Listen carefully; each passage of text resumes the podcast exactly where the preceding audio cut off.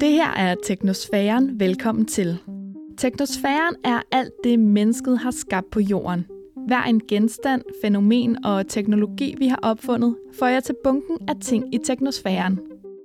Men selvom vi har skabt teknosfæren, kan det føles som om, vi mister kontrollen med den. For vores verden er fyldt med elektronik, mekanik og maskiner.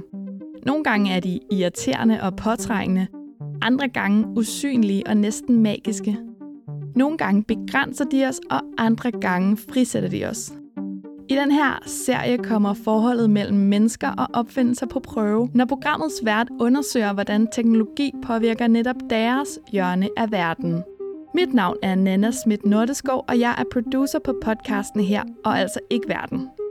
Jeg står på sidelinjen, når verden gennem fem episoder udforsker, om teknologi er en allieret eller en modstander til den kamp, verden udkæmper i hverdagen. Om teknologi kan hjælpe os med at forbedre miljøet, vores sundhed og meget andet, eller om teknosfæren helt har taget magten fra os.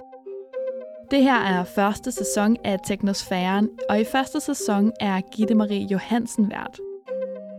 På YouTube og Instagram går Gitte Marie under navnet Gitte Mary. Og i den her første sæson vil hun undersøge, hvordan teknosfæren påvirker alt vores liv på kloden. Nærmere bestemt miljøet og klimaet. Det her er anden episode. Nu begynder programmet.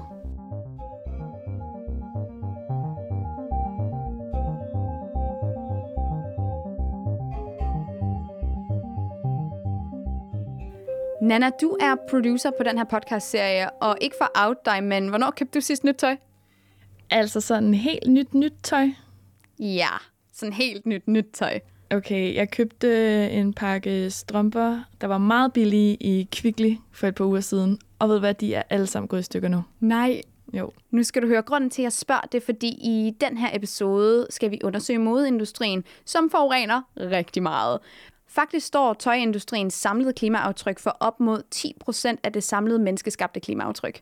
Åh, ja, det er altså ikke så godt. Ja, og os danskere er faktisk nogle af de aller værste. Vi køber tre gange mere tøj end det globale gennemsnit. Au. Vi har slet ikke brug for alt det tøj.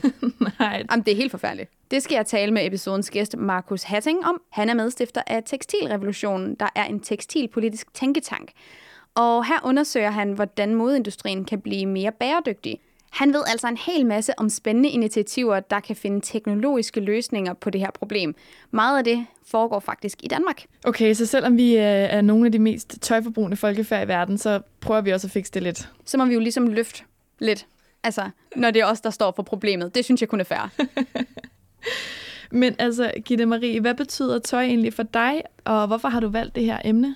Jamen, tøj har altid haft en særlig plads for mig, fordi at jeg har altid udtrykt mig rigtig meget gennem tøj. Helt fra da jeg fik lov til at vælge mit eget tøj som 8-9-årig, så har tøj altid været den her udtryksform. Noget, som jeg finder rigtig meget tryghed i, og jeg elsker, hvordan man kan fortælle andre mennesker, hvem man er, og hvordan man kan eksperimentere med tøj. Altid været vild med det, og det ledte mig meget naturligt til den her indgang i modeindustrien, og som konventionel, siger jeg i gåseøjne, modeblogger. Jeg har altid gået meget op i genbrug. Det har været af nød, da jeg var yngre, og senere hen nu her er det også en bæredygtighedsting. Men, men tøj har spillet en spændende rolle for mig, fordi mit forhold til tøj har ændret sig så meget, og det har gået fra at være en, hvor meget kan jeg skrabe sammen? Hvor mange sko kan jeg have? Jeg har jo ejet over 100 par sko. Jeg har været i Vrå Folkeblad med mine 100 par sko. Jamen, det er så pinligt, og nu har jeg jo et helt andet forhold til tøj. Nu snakker jeg jo meget om overforbrug, og det her med, jamen, det mest bæredygtige tøj er det, du allerede har hængende derhjemme. Så hvordan kan man undgå at gå ud og købe nyt? Også brugt nyt. Og hvordan kan man bruge det, man har, i stedet for på forskellige måder, så tøj repræsenterer for mig en kæmpe stor bæredygtig omstilling. Okay, men Gitte Marie, jeg bliver nødt til lige at spørge, altså du gik fra at have 100 på sko og være sådan en konventionel ja. modeblogger. Hvor startede din rejse til det, du er i dag? Jamen, den startede faktisk ikke rigtig med tøj. Jeg fandt ud af med sabbatår, at modeindustrien bare overhovedet ikke var for mig. Jeg følte mig ikke rigtig sådan velkommen, når vi var til events, og jeg synes alle var sådan lidt uhøflige. Og jeg synes, at det spillede bare overhovedet ikke, og jeg var nok bare ikke den slags person, der kunne thrive i det. Øhm, så jeg bestemte mig for efter mit sabbatår, at jeg ville søge ind på Aalborg Universitet og læse engelsk. Og det var faktisk et par måneder inden i min universitetsuddannelse, at jeg faldt over det her zero waste begreb det her zero waste begreb startede så bare en lavine af forskellige øh, omstillinger, jeg blev nødt til at gøre i mit eget liv. Og det startede ikke med tøj, men det er helt sikkert endt her. Du skal jo have besøg af Markus Hatting fra Tekstilrevolutionen. Hvad er det vigtigste, du skal spørge ham om? Jamen, vi skal snakke om det her med tekstilproduktion, og jeg kunne egentlig rigtig godt tænke mig, at vi snakker om en masse forskellige problematikker, der er i forsyningskæden med tøj. Vi skal snakke lidt om nogle certifikater, og vi skal snakke lidt om bomuld, håber jeg, for det er helt sikkert en af mine store kæpheste. Og jeg håber at kunne få lidt insight, selvom jeg jo selv arbejder en del med det her til dagligt, så håber jeg, at jeg kan få noget, noget insight, som jeg kan bruge og tage mig med videre. Jeg har en fordom, som jeg lige er nødt til at konfesse her, inden vi går videre. Og det er, at jeg synes, noget økologisk bæredygtigt tøj, det tit er helt vildt kedeligt. Altså, det, det bliver sådan noget lidt høre voksen yoga-agtigt. Det forstår jeg virkelig godt. Det er, det er faktisk lidt blevet, det ved jeg ikke, om det er blevet mit kald, og øh, og sådan promovere eller, eller snakke om bæredygtige virksomheder, der laver fucking fedt tøj. Mm-hmm. Fordi jeg, jeg kunne gå på gaden med skilte i dag i protest. Nu har vi ikke brug for flere bæredygtige hvide t-shirts. Vi har nok bæredygtige hvide t-shirts. Vi har nok t-shirts generelt. Jeg elsker, at der er nogle virksomheder derude, som laver noget virkelig, virkelig cool, edgy, øh, sådan lidt out there bæredygtigt tøj. Der er ikke særlig mange af dem, så jeg forstår godt, det er blevet en fordom, det her med, at det hele er sådan lidt det her, jeg går ud og krammer træer-vibe. Og det behøver det jo ikke være. jeg er jo lidt af den overbevisning, man kan have lige præcis den stil, man kunne tænke sig og så stadigvæk være bæredygtig. Bæredygtighed er ikke en æstetik, det er ikke et, et moodboard. Det Nej. kan være alt muligt. Det handler om, hvordan tingene er produceret, ikke hvordan de ser ud. Og øh, jeg har helt sikkert også nogle tips til, hvordan vi kan finde de her virksomheder, der laver øh, pisse lækkert, mega sejt tøj, så man ikke ligner en, der er på vej til yoga. Det lyder godt. Der er ikke noget galt med yoga forresten, men du ved, sådan, man behøver ikke altid ligne en, der er på vej til yoga. Nej. Mit navn er Gitte Marie, og på internettet går jeg under navnet Gitte Mary. Jeg interesserer mig for bæredygtighed, formidling og skraldeaktivisme både on- og offline. Jeg er foredragsholder og forfatter, men mest af alt så er jeg en nysgerrig forbruger. Men selvom jeg i dag sætter et meget let aftryk på planeten, så har jeg ikke altid levet sådan. Faktisk begyndte min rejse som content creator i modebranchen. En branche, som ikke ligefrem er duksen i klimaklassen. Men kan det virkelig være rigtigt, at man ikke kan gå op i mode uden at være en klimasønder? Hvilken forskel gør det for forbruget, at jeg kan scrolle i Instagrams uendelige modemagasiner og blive inspireret? Det her er Teknosfæren, hvor jeg i denne episode undersøger, hvordan man kan gøre grønt det nye sort. Hej Markus. Jamen hej så. Tak fordi du gad at komme og hjælpe mig med at forstå modens klimaaftryk, og ikke mindst de teknologiske hjælpemidler, der skubber for en grønnere produktion. Du er medstifter af Tekstiltænketanken Tekstilrevolutionen. Hvad vil det sige at være en tekstiltænketank? Det vil sige, at øh, vi kigger dybt i rapporter, og at vi øh, hjælper brands og politikere og øh, forbrugere og designere med at forstå tekstilindustrien og i særlig grad sådan tekstilindustriens aftryk på verden, og, øh, og så forstå, hvad man kan gøre for at, øh, at trække i den rigtige retning øh, lige meget hvilken position man sidder i. Hvor meget sviner tekstilindustrien egentlig? Det kan da ikke være så meget. Ej, kan det det? det er jo. meget ledende. ja, det må man sige, det, det er lidt et ledende spørgsmål, ikke? Og, øh, og jo, den, den sviner øh, rigtig, rigtig meget. Det her med at, øh, at sætte sådan et specifikke tal på, er, er svært. Der er nogen, som, øh, som prøver at sammenligne det med, øh, med transport, for eksempel, ikke? som er svært, fordi du skal også transportere tekstil, så en del af det at have en tekstilindustri er også at transportere ting og så videre, så nogle gange kan det være svært, ligesom det her med at, med at sammenligne industrierne. Men særligt på, på vandområdet og kemiområdet, der har øh, tekstilindustrien et, et kæmpestort aftryk, øh, negativt aftryk på, øh, på vores økosystemer og på verden. Øh, det har også et, et højt klimaaftryk i kraft af, at vi, at vi forbruger så meget, som, som vi gør. Og så har det øh, selvfølgelig øh, også et, et rigtig stort socialt aftryk. Jeg synes, man ser nogle lidt modstridende rapporter, at nogle steder, der, der siger man, tekstilindustrien, jamen det er den femte mest forurenende industri i verden, og nogle gange er det den anden eller den tredje. Men jeg tror, der er en fælles konsensus om, at det i hvert fald ikke er godt. Ja, at det, det er det, der, vi lander. Det er fuldstændig rigtigt. Ja, det, det, det synes jeg helt klart øh, sagtens, vi kan lande. Kan vi eventuelt prøve at snakke lidt om, hvilke forskellige faktorer, der spiller ind i tekstilindustriens miljøbelastning? Klart. Så hvis vi kigger på, hvor, hvor er det i, uh, i selve uh, kæden, tekstilkæden, at, at vi har nogle store aftryk. Det kan vi godt, og det vil jeg rigtig gerne. Vi skal bare uh, anerkende det, det største problem først, synes jeg. Det største problem, det er vores overforbrug.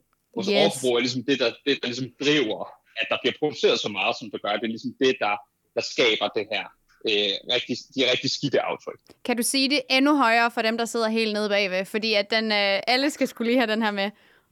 Helt sikkert.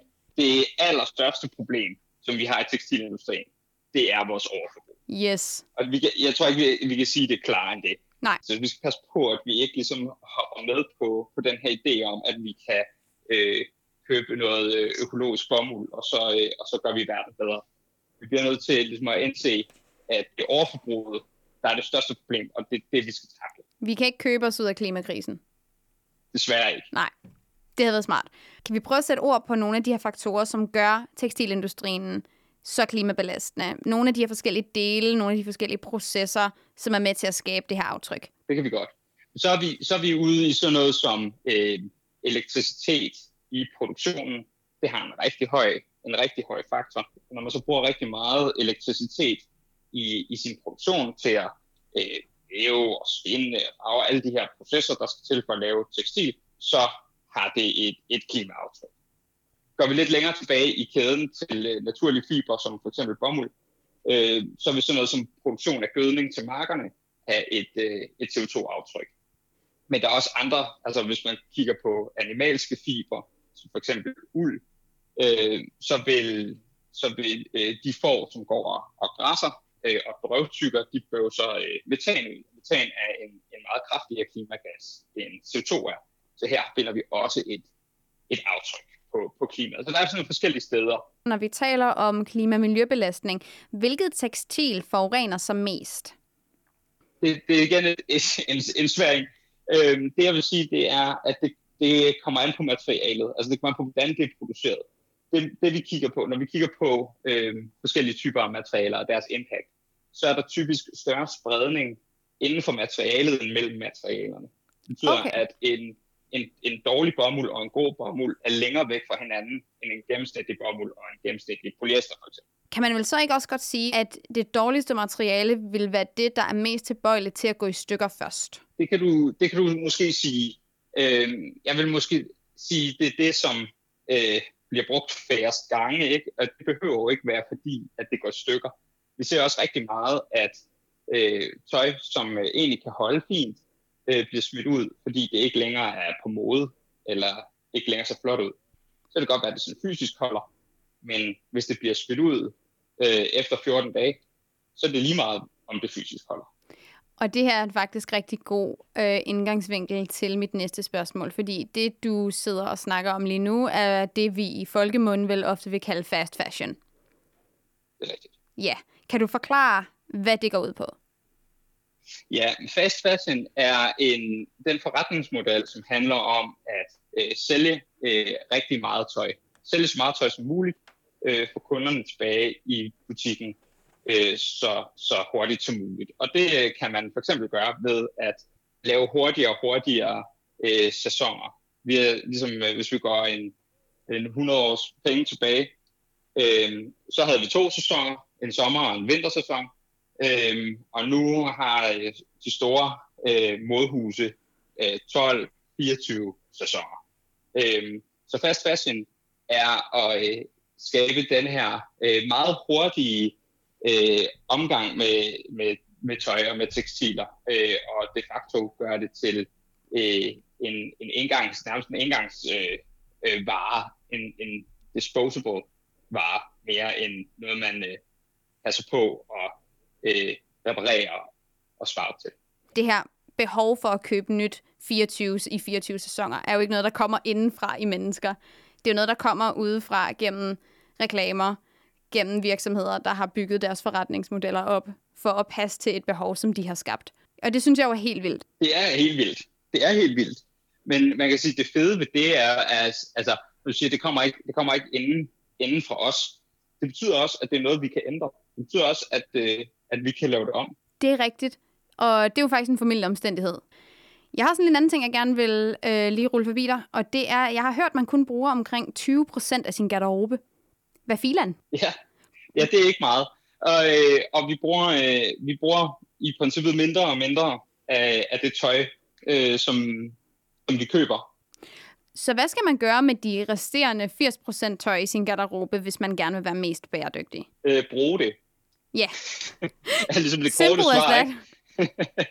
vi, har, øh, vi har lavet sådan et, jeg kalder det nogle gange en, en tommelfingerregel, eller et flowchart. Jeg kan også kalde det sådan et hierarki om, hvad man skal, hvad skal man gøre for, hvis man er, hvis man er forbruger, og have det bedste øh, tøjaftryk.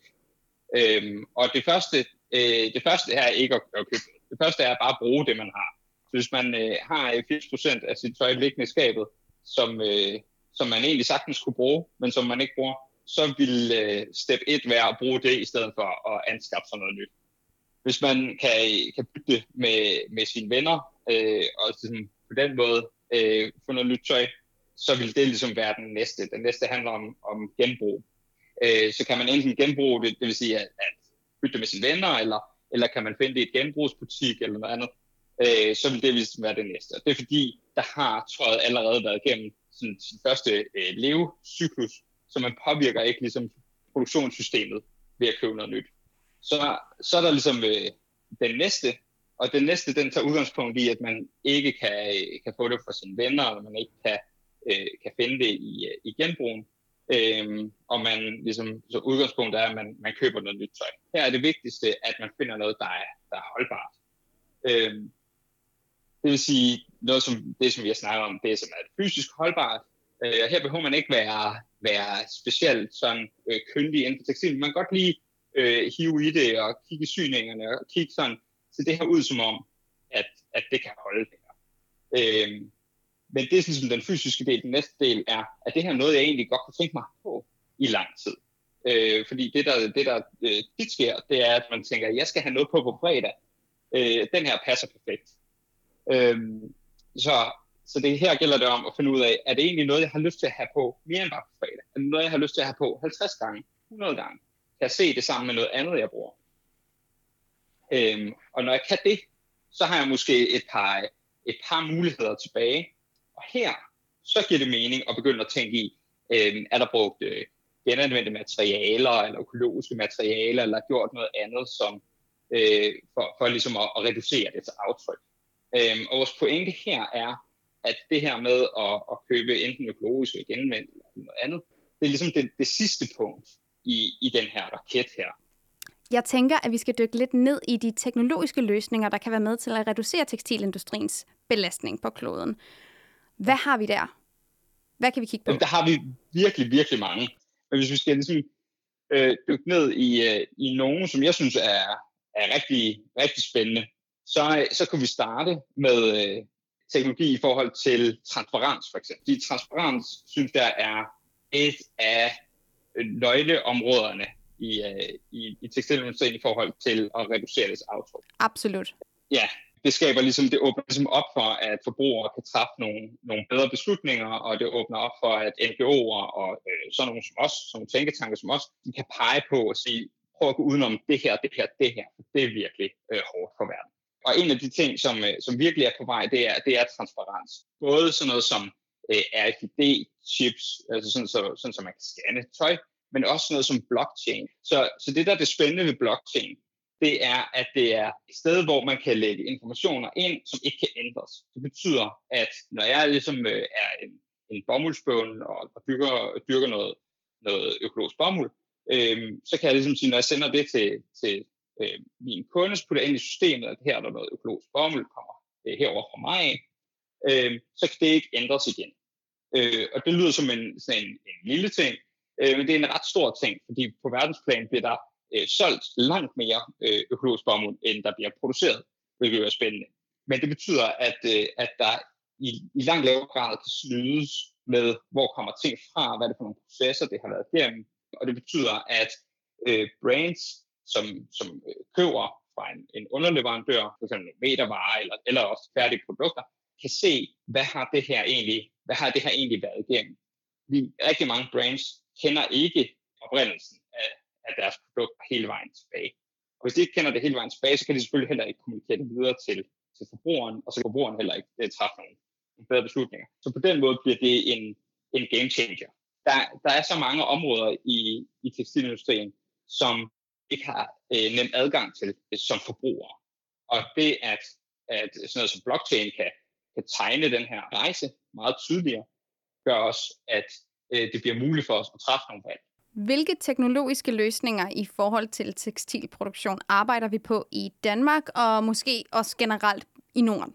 Det er et virkelig godt spørgsmål. Og der har vi, der er vi faktisk langt i Danmark. Vi snakker jo rigtig meget om genanvendelse. I Danmark, der har vi faktisk sådan uh, startups og, og mindre virksomheder, som arbejder med for eksempel sådan noget som, som sortering af tekstiler, som virkelig er et stort, uh, et stort issue. Det virkelig er svært at, at genanvende tøj, når det er, ligesom er samlet i store bunker af forskellige materialer. Så der har vi øh, nogen, som hedder Nutritex, som er øh, en, en nyopstartet virksomhed, som kan ligesom scanne øh, tøj med sådan en, en infrarød scanner, sender infrarødt lys ned i, i tøjet og scanner det, der kommer tilbage. Og på baggrund af det kan de så finde ud af, hvad er tøjet lavet af, og så sende det over i den rigtige bunke.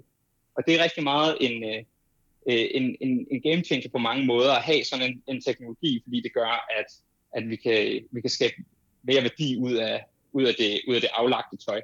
En anden virkelig spændende teknologi, det handler om, om kemisk genanvendelse. Der er nogen, der hedder Textile Change, de bor op i, i Aarhus, og de har fundet en metode til kemisk at trække øh, bomuld, polyester og elastan og nylon fra hinanden, øh, sådan så at, øh, at de her materialer kan bruges hver for sig.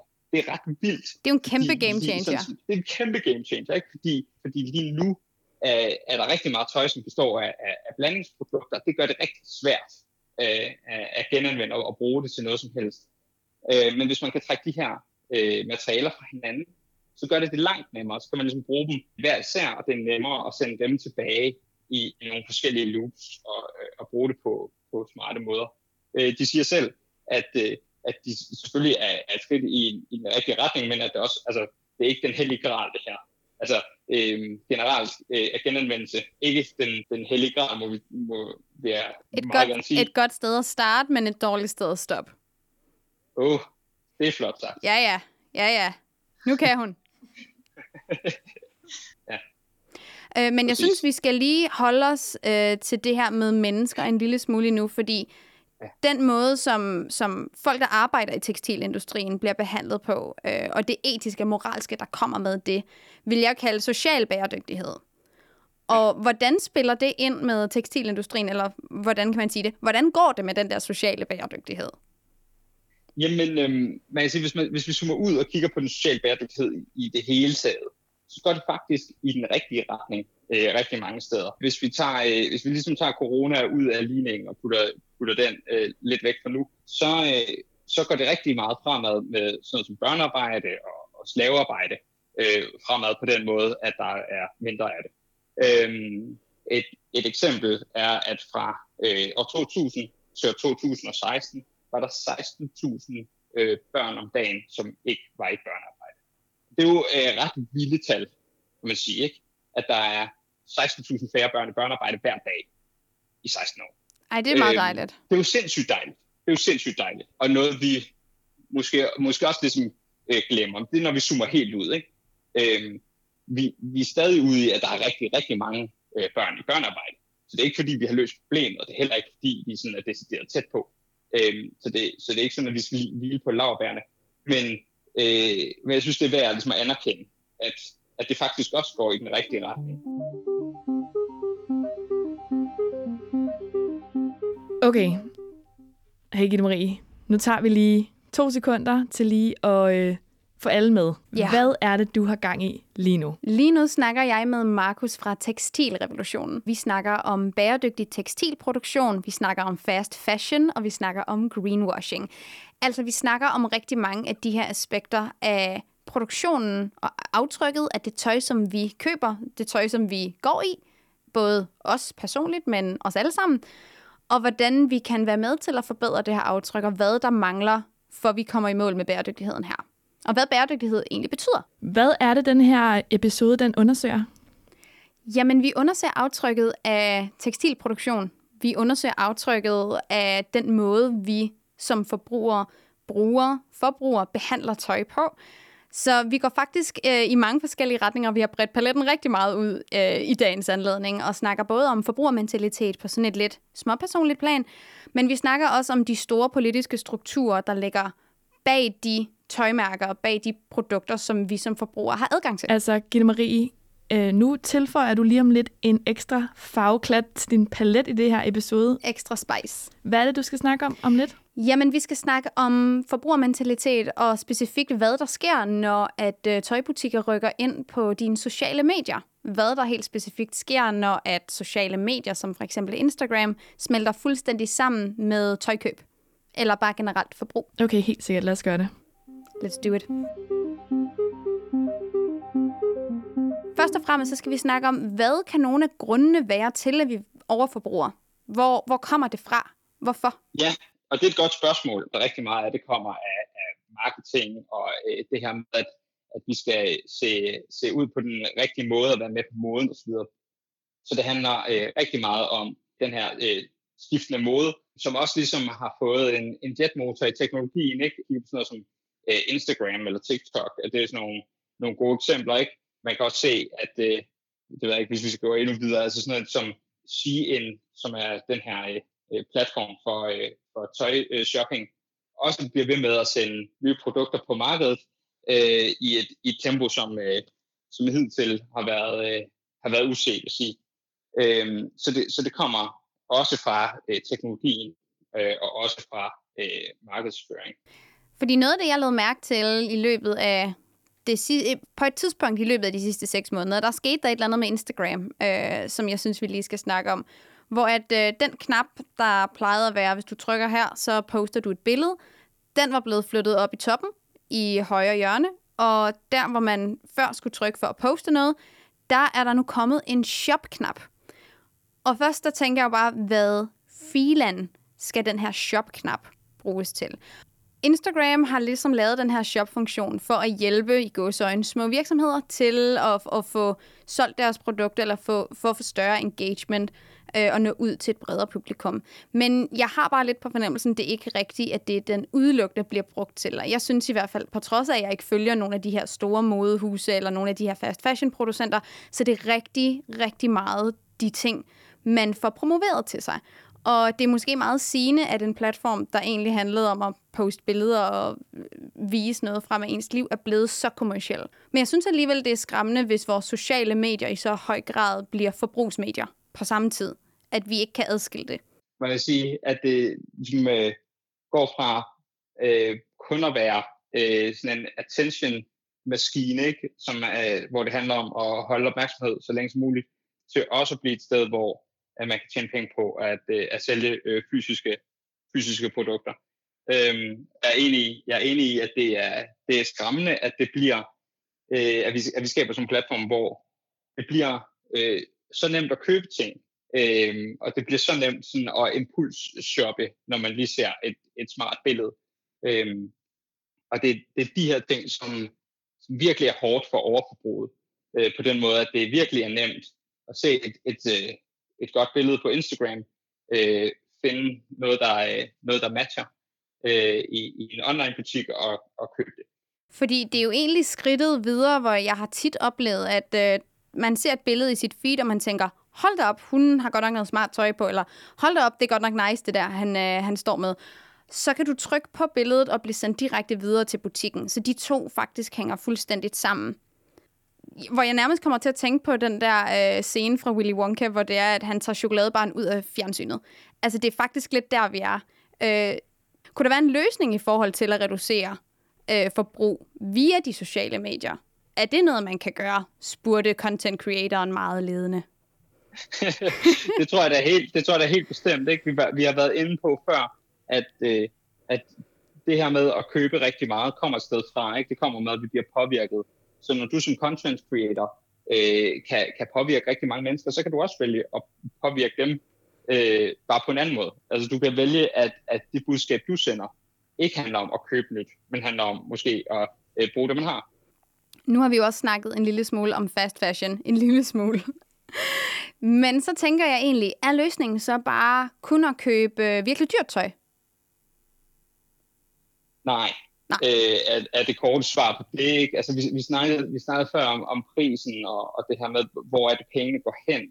Øhm, så så ligesom med, det, med det en mente kan man sige, at, at hvis man køber noget virkelig billigt tøj, så er man ret sikker på, at der ikke er nogen penge i, i, i systemet til, øh, til dem, der har lavet tøjet. Men, Men selvom man køber noget rigtig dyrt tøj, øh, så kan det sagtens øh, ske, at, at øh, der stadig ikke er nogen penge øh, ned i systemet, og alle penge ligesom går øh, til, til det brand, man, man ligesom har, har købt med. Så det, det, er ikke, det er helt klart ikke øh, løsningen bare at, øh, at købe dyr. Så øh, hvis man skal redde kloden, så skal man, man skal stoppe med at købe Shein, men det nytter altså ikke noget, hvis man bare skifter det hele ud med Louis Vuitton. Det, det kommer der måske ikke så meget. Det batter ikke sådan på CO2-budgettet på den måde. Slet ikke. Nej. Slet ikke. Jeg tænker egentlig på, øh, hvordan opnår vi den her forandring i vores mentalitet i forhold til overforbrug? Det er et rigtig, rigtig fedt spørgsmål. Og øh, hvis, man, hvis man sidder sådan, øh, der, hvor jeg sidder i sådan en tænketank, og, øh, og, og zoomer øh, tit rigtig langt ud og kigger, så, så når vi har snakket om det her med, hvor, hvor er det de her ting, øh, trends øh, kommer fra, så kommer det rigtig meget fra, fra brands. Og hvis vi gerne vil prøve at ændre på det, øh, så kan vi jo selvfølgelig lave øh, nogle forskellige barriere, der, der er forskellige lovgivninger på vej.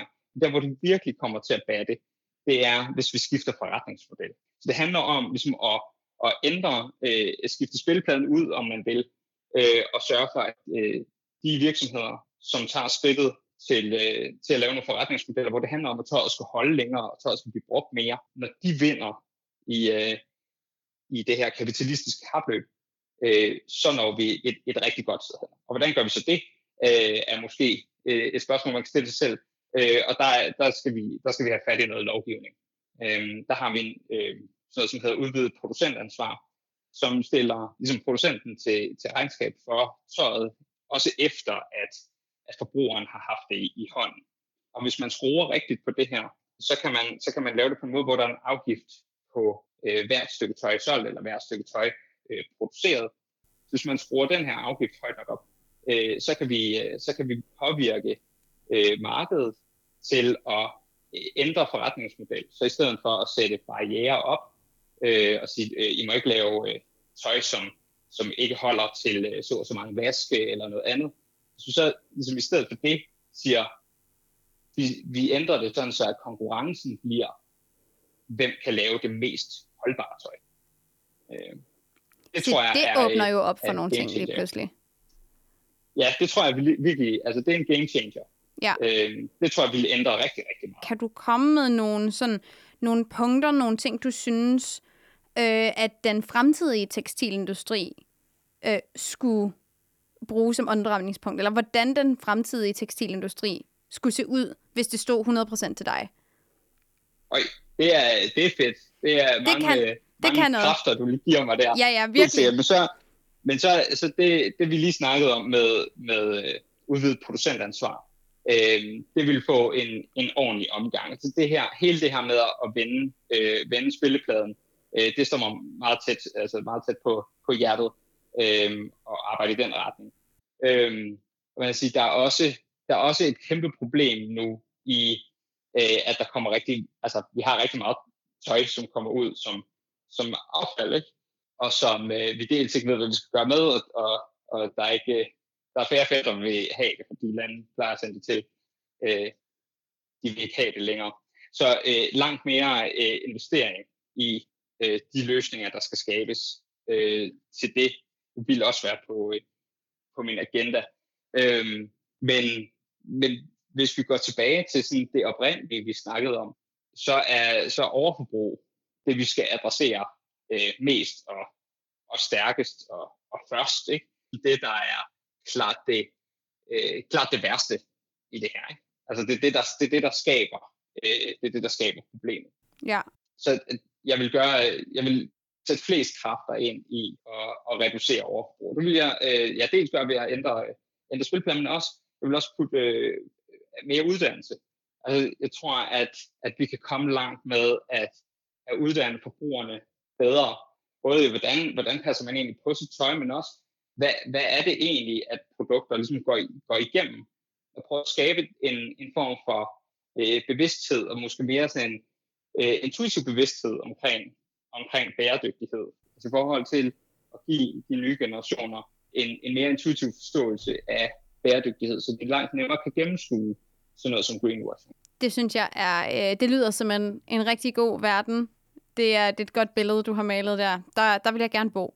Det, det vil jeg virkelig gerne. Og jeg tænker på den her på det her dejlige billede, hvor at, øh, der bliver sat større krav til virksomheder, og hvor vi sætter hårdere ind over for overforbrug og uddanner folk bedre, der tænker jeg, at vi stopper dagens episode. Tusind tak, fordi du havde lyst til at være med. Selv tak.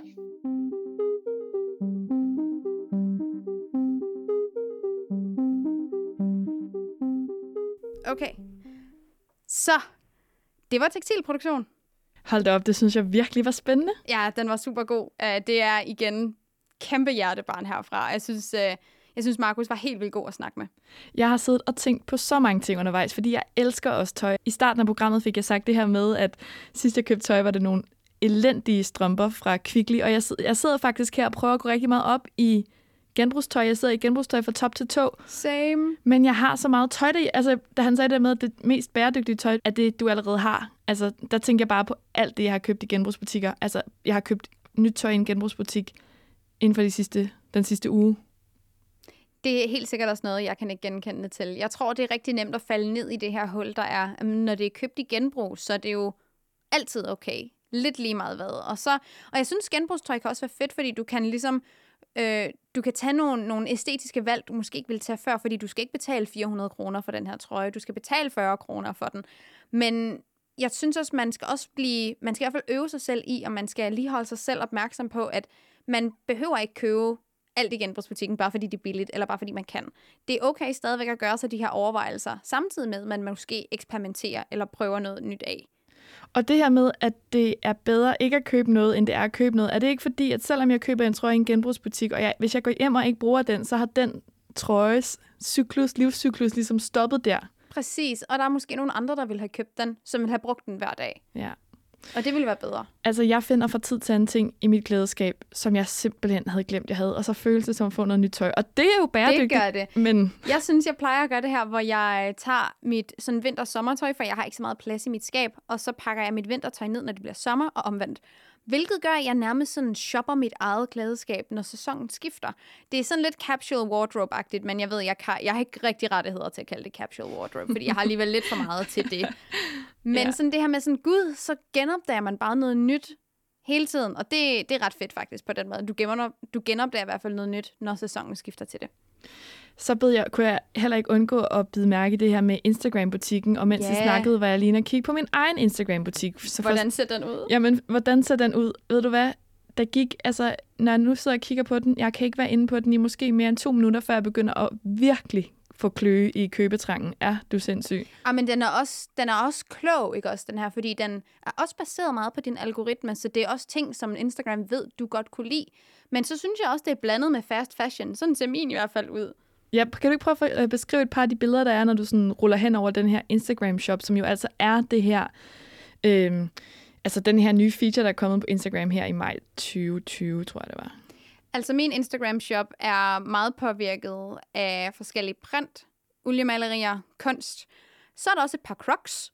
Øh, de skal også være her. Så er der faktisk en kjole fra et mega dejligt bæredygtigt dansk mærke. Øh, men den kjole har jeg faktisk hængende derhjemme i skabet, fordi at den søgte jeg på, fordi den vil jeg så gerne have, og jeg bruger den hele tiden. Den er så god. Men den er her også, så det er bare lige sådan en Instagram. I know. det ved jeg godt. Så er der en hel masse tøj fra fast fashion. Øh, der er noget fra Zara her, kan jeg se. Der er noget fra H&M. Noget af deres dejlige conscious tøj, som jeg ikke giver en Ej. fis for. Øh, der er nogle sneakers, der er en masse boliginteriør, fordi at min Instagram er meget påvirket af, at jeg elsker, elsker sådan pæne boligbilleder. Så der er en masse interiør herinde, kan jeg se. Øh, skåle og glas og sådan noget. Og så er der bare øh, glitter og øjenskygger for alle pengene, når man kommer lidt længere ned. Ej, hvor er det godt. Hvordan er din? Der er sådan sådan en cute, lidt quirky keramikkopper. Øhm, der, det er sådan et micro-influencer-stil, du ved, hvor det er sådan lidt unge kvinder, unge able-bodied, smukke kvinder, der står og poserer i søde, sådan pastelfarvede sommerkjoler, lidt quirky, sådan, du ved, med lidt påfærmer, eller et sjovt snit i taljen, eller... Sådan lidt, ej, lad være med at tage billeder af mig. Ja, lige præcis, sådan total ej, lad være med at tage billeder af mig. Jeg holder mig generelt rigtig meget ude af det der, fordi at hvis det er, man undgår de der situationer, hvor det begynder at krible i fingrene, jamen så undgår du også at købe noget, du ikke har brug for. Jeg er helt øh, fuldstændig enig. Altså, hvordan... Øh, det her, det er jo som sagt et, et emne, som du har personlig erfaring med, i det du startede som modeblogger, og, og du også elsker mode, vi har snakket meget om tøj og, og stil, og vi, det er noget, vi begge to en interesse, vi deler. Men hvordan var det at lave det her program? Jeg synes, det var rigtig godt. Jeg havde glædet mig rigtig meget til det her afsnit. Fordi det ligger mig meget nært, men også fordi jeg synes, at det er enormt vigtigt at tage den her debat. Det, jeg synes, det er enormt vigtigt at forklare om de her problemer, der er i den her industri. Fordi at, som vi også har snakket om, og det, det ved jeg ikke, om vi snakkede om måske nærmest inden programmet gik i gang, men det her med den her myte, der er omkring, hvordan folk ser ud, når de går op i bæredygtig måde. Og når man begynder at snakke om bæredygtig måde, som, som vi gør nu her for eksempel, så håber jeg, at det kan være med til at nedbryde nogle af de her barriere, nogle af de her stereotyper, og, og i stedet for at sætte fokus på, at jamen, det er ikke en æstetik, det er ikke et specifikt særskilt produkt, og du kan være mega punk og være bæredygtig. Du kan også være sådan lidt mere minimalistisk og være bæredygtig. Du kan være sådan lidt rough, edgy bæredygtig. Du kan være lidt hippie bæredygtig. Du kan være brand bæredygtig, hvis det er det, man vil, like øh, vintage Chanel all the way det er ikke en æstetik, og jeg synes, det er vigtigt at nedbryde noget af det her, fordi lige så snart vi får alle med, du kan også være rave bæredygtig. Jeg kan blive ved med at finde på stilarter.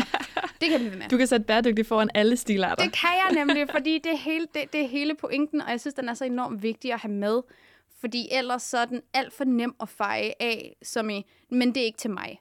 Men jo, det er til dig. Dig. dig der.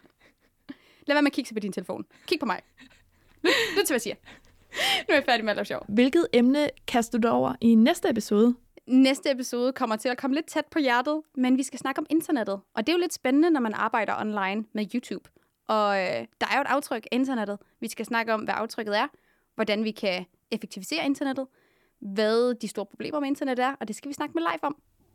Ja, Leif Katsu Oksenløve fra DTU øh, skal ind og måle og veje lidt på dit klimaaftryk. Det er jeg faktisk lidt nervøs for, helt ærligt. Ja, vi må se, hvordan ah. det går. Nå, men altså fedt. Lad os gøre det. Lad os gøre det.